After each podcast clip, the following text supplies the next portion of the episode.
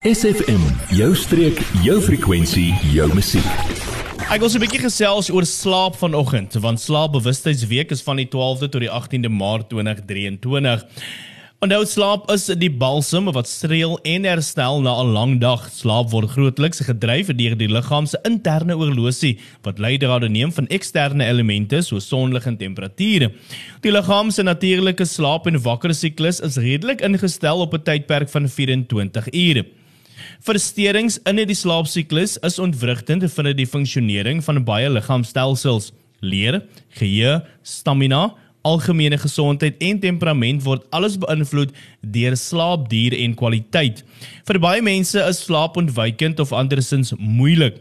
Trouwens, die meeste mense op een of ander stadium in hul lewens ondervind probleme om aan die slaap te raak of aan die slaap te bly.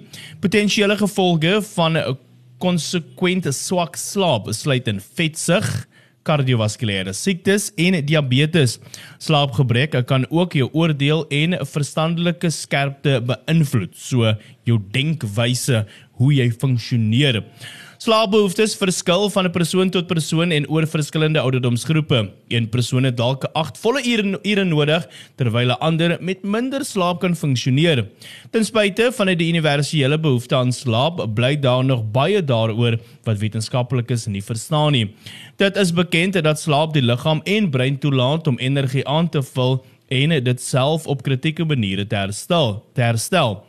'n Geheue konsolidasie, inligtingverwerking, fisiese groei, spierherstel en talle ander prosesse word gespekuleer om tydens slaap plaas te vind. Slaap is ook van kritieke belang vir die versterking van die immuunstelsel en later die liggaam toe om siektes te beveg. Soos almal weet, jy gaan dalk in die aand bed toe, jy gaan slaap, jy het 'n pyn hierso of het seer gekry daar. Môreoggend is jy 'n bietjie styf, uh, die dag daarna, dan kan jy weer jou arm beweeg en die dag daarna, dan is dit weg. Elke oggend as jy opstaan, is daar vordering eh, wat daar plaasvind en so kom jy dit agter. Nou slaapbehoeftes verskil volgens ouderdom en dan is daar ook die ouderdomsgroepe uh, wat daar ingesit word vir ons soos babas tussen 4 en 11 maande het van 12 tot 15 ure slaap nodig. Kleuters tussen 2 en 5 jaar het tussen 11 en 14 ure slaap nodig. Skoolgaande kinders, dit is 6 tot 13 jaar oud, daar in daai groep het 9 tot 11 ure nodig. Tieners het so tussen 14 en 17 jaar oud tussen 8 en 10 ure nodig. Jong volwassenes vanaf 18 tot 25 en volwassenes van 26 tot 64 jaar oud 7 tot 9 ure en eh, dan ouer volwassenes van 65 plus tussen 7 en 8 ure dan sê jy a for away. Nou oor die algemene behoort dit ongeveer 10 tot 20 minute te neem vir 'n persoon om aan die slaap te raak, maar as 'n mens dink dat dit te lank neem of dit nou 20 minute of 'n uur neem, kan dit angs oor slaap aanwakker wat die slaapkwaliteit negatief beïnvloed.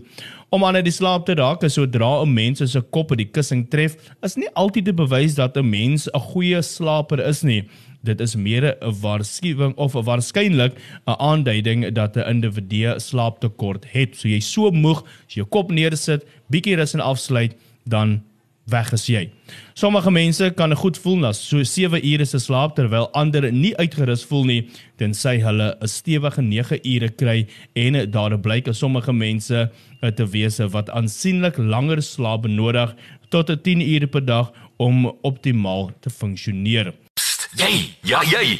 Nou dat ons jou aandag het, vertel jou vriende van SFM en ondersteun plaaslik. SFM maak elke dag 'n goed gevoel dag.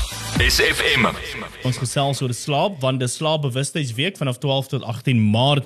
Nou, hoe kan jy beter slaap aanhelp? Nou maak seker jou slaapkamer is koel en donker. Vermy kafeïne vanaf die middel van die middag en vir my alle skerms vir ten minste 'n uur voordat jy gaan lê want daai lig van skerms kan slaap vertraag met gemiddeld 10 minute. So om voor 'n TV aan uit die slaap te raak, soos 61% van volwassenes bely dat hulle dit gedoen het, is ook 'n probleem. Die skerm se lig dring in die ooglede binne, so die brein ervaar steeds 'n blootstelling aan lig. 'n Ou matras of 'n matras wat swak gehalte kan slaapkwaliteit belemmer so jy moet 'n goeie regte matras hê. Die rate vir 'n beter slaap verklaar dat matrasse elke 7 tot 10 jaar vervang moet word. Ouer matrasse is geneig om nie meer voldoende ondersteuning te bied en wat lei tot rustelose onvoldoende slaap. So sorg dan altyd dat jy 'n goeie, sterk matras het. Maar in vandag se vinnige wêreld kan 'n konsekwente herstellende slaap moeilik wees om te bekom. Vir baie is dit een van die eerste dinge wat opgeoffer word wanneer skedules besigger word of verantwoordelikhede oorweldigend raak.